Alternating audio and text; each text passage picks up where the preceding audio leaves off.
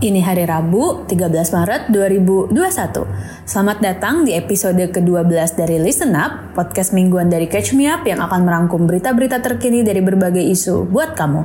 Hari ini kita bakal membahas soal sinar, terus hubungan panas antara Israel dan Iran, sampai bahaya putus cinta. Now, let's catch up!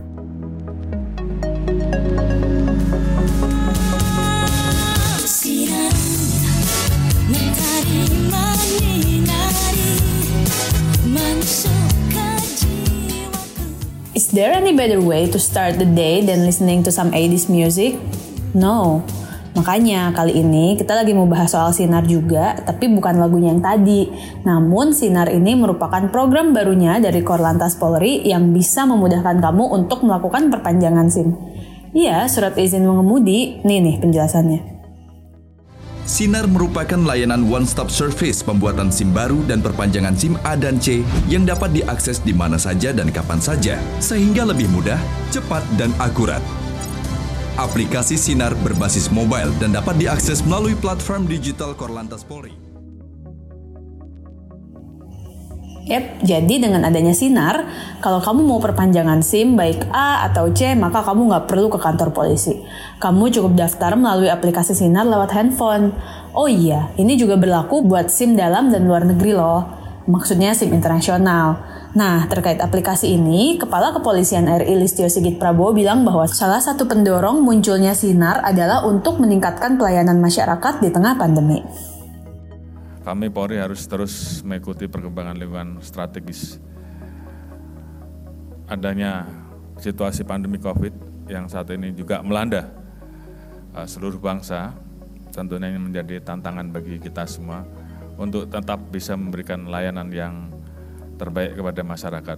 Di satu sisi perkembangan teknologi informasi 4.0 dan masyarakat 5.0 yang tentunya mau tidak mau Polri harus kemudian bisa mengikuti dan mengembangkan diri untuk bisa memanfaatkan teknologi informasi tersebut. Nah, terus gimana sih kalau kamu mau nyoba pakai aplikasi Sinar? Jadi pertama, kamu perlu download aplikasinya dulu nih di Play Store atau iOS. Nama aplikasinya adalah Digital Korlantas Polri yang di dalamnya udah ada berbagai pilihan, kayak perpanjangan SIM, bikin SIM baru, CCTV, tilang elektronik, dan lain-lain. Nah, tapi dari semua opsi itu yang udah ada sekarang tuh baru perpanjangan guys. Sedangkan untuk menu lain keterangannya tuh adalah akan segera tersedia. Oke lanjut, jadi setelah kamu download maka kamu bisa masuk deh ke aplikasinya.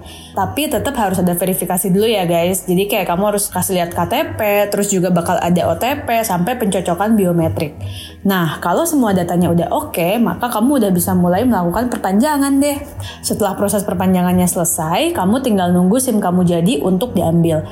Cara ngambilnya pun kamu bisa milih sendiri, yaitu bisa datang langsung ke kantor polisi yang menerbitkan, diambilin orang lain asal ada surat kuasa, atau dikirim via pos. Bye-bye, ngantri-ngantri panjang untuk perpanjangan.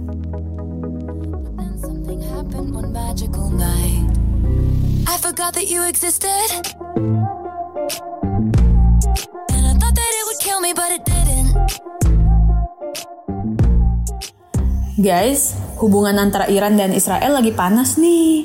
Karena over the weekend kemarin, fasilitas pengayaan uranium bawah tanahnya Iran, namanya Natanz, mati total.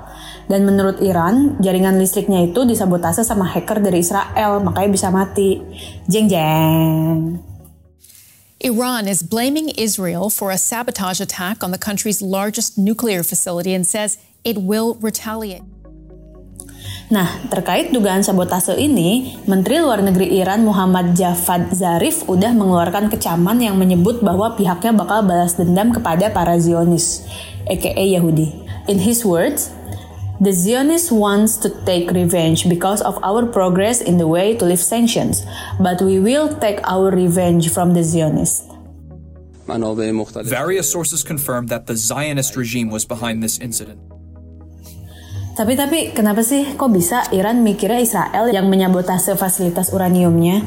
Nah, jadi kalau menurut para intel Iran, serangannya itu dilakukan melalui cyber attack oleh pihak Israel yang ditargetkan khusus ke sumber listrik di sana hingga menyebabkan blackout.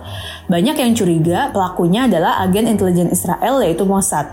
Di Israel sendiri, salah satu medianya yaitu Haaretz juga menyebut bahwa bisa aja nih sebenarnya emang pelakunya tuh Israel. Nah, peristiwa ini tentunya bikin panas lagi hubungan antara kedua negara yang emang dari awal juga nggak pernah adem-adem banget juga. Dan sebelumnya Israel juga diketahui udah beberapa kali berupaya menyabotase program pengembangan nuklir Iran dengan berbagai cara. Kayak tadi, bisa mematikan listriknya sampai hal-hal ekstrim kayak membunuh para ilmuannya. FYI guys, untuk serangan hacker kali ini, banyak pengamat yang khawatir bahwa hal ini bakal bikin upaya pemerintahan Amerika Serikat di bawah Biden untuk bikin Iran kembali menuruti aturan dalam nuklir dealnya jadi makin susah.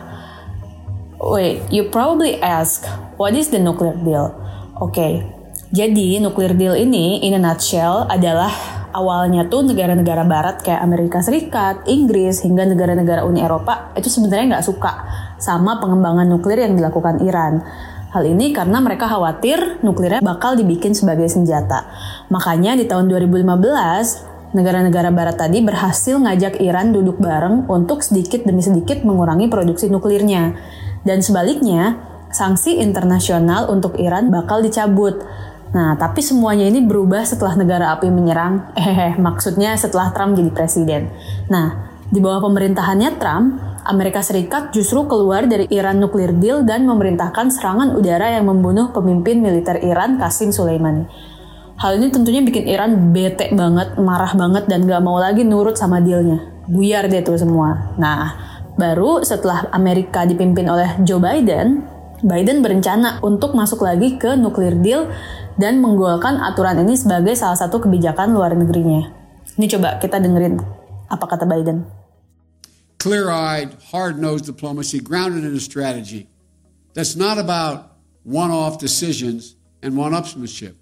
Diplomacy that's designed to de escalate the crisis, protect our people, and secure our regional interest, including our counter ISIS campaign. Terkait kebijakan baru ini, sebenarnya perwakilan Amerika Serikat dan Iran udah sempat ketemuan di Vienna, Austria untuk ngobrol-ngobrol. Tapi ya itu tadi, sabotase yang diduga dilakukan sama Israel dinilai bakal bikin Iran bete lagi dan bikin usaha Biden jadi ya agak-agak ribet lagi aja gitu. Nah, Kepo nggak guys? Kenapa sih Israel pengen banget gangguin upaya perundingan yang mau dilakukan oleh Iran dan Amerika Serikat?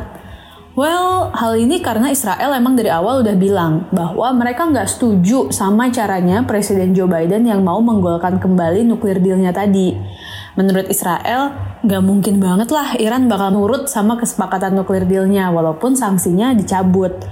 Tapi Iran sendiri bilang bahwa program nuklir mereka itu tujuannya untuk damai, kayak jadi sumber energi, bukan buat bikin senjata. Tapi Israel tetap nggak percaya. Jadi ya panas aja terus.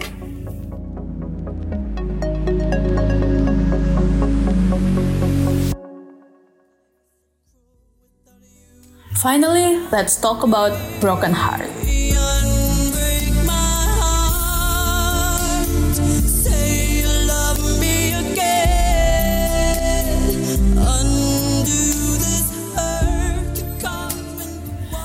Duh guys, emang paling berat ya kalau ngomongin patah hati tuh. Diomonginnya aja berat, apalagi dirasain. Nah, kali ini kita mau ngebahas soal hasil riset yang menunjukkan bahwa kehilangan pasangan jangka panjang bisa mengganggu kesehatan hingga mengakibatkan kematian.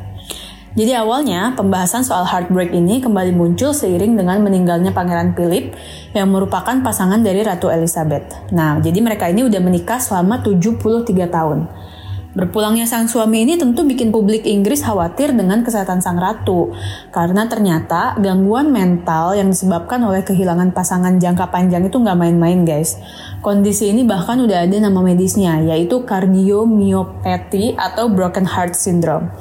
Adapun sindrom ini menyerang ketika seseorang kehilangan pasangannya yang di mana mereka udah bersama dalam jangka waktu yang lama hingga hal ini menyebabkan stres akut. Stres akut inilah yang bisa menyebabkan berbagai gangguan kesehatan lainnya kayak insomnia, kecemasan berlebih, mah, depresi, hingga imun sistem yang menurun. Jadi, emang ketika kita mengalami kehilangan, jantung kita bakal berubah bentuk sebagai efek dari stres akut yang kita rasakan. Dalam kondisi normal, jantung bakal kembali ke bentuk semula setelah patah hatinya hilang. Namun pada pasangan yang long term ditambah faktor umur, maka perubahan bentuk jantung ini bisa menyebabkan gangguan irama jantung atau aritmia hingga menyebabkan kematian. Adapun risiko orang tua meninggal paling tinggi muncul dalam 1 sampai 3 bulan setelah pasangan mereka meninggal. Pada periode ini, risiko kematian ada pada angka 30% sampai 90% dan angkanya bisa menurun secara berangsur-angsur hingga 15% pada bulan-bulan setelahnya. FYI guys, jadi sindrom ini juga ditemukan pada perempuan banyaknya, yaitu 90%-nya, dan pada orang-orang dari berbagai ras dan usia di seluruh dunia. Ya, jadi kayak cinta, patah hati juga merupakan bahasa universal. Demikian listen up edisi hari ini, sampai ketemu hari Jumat.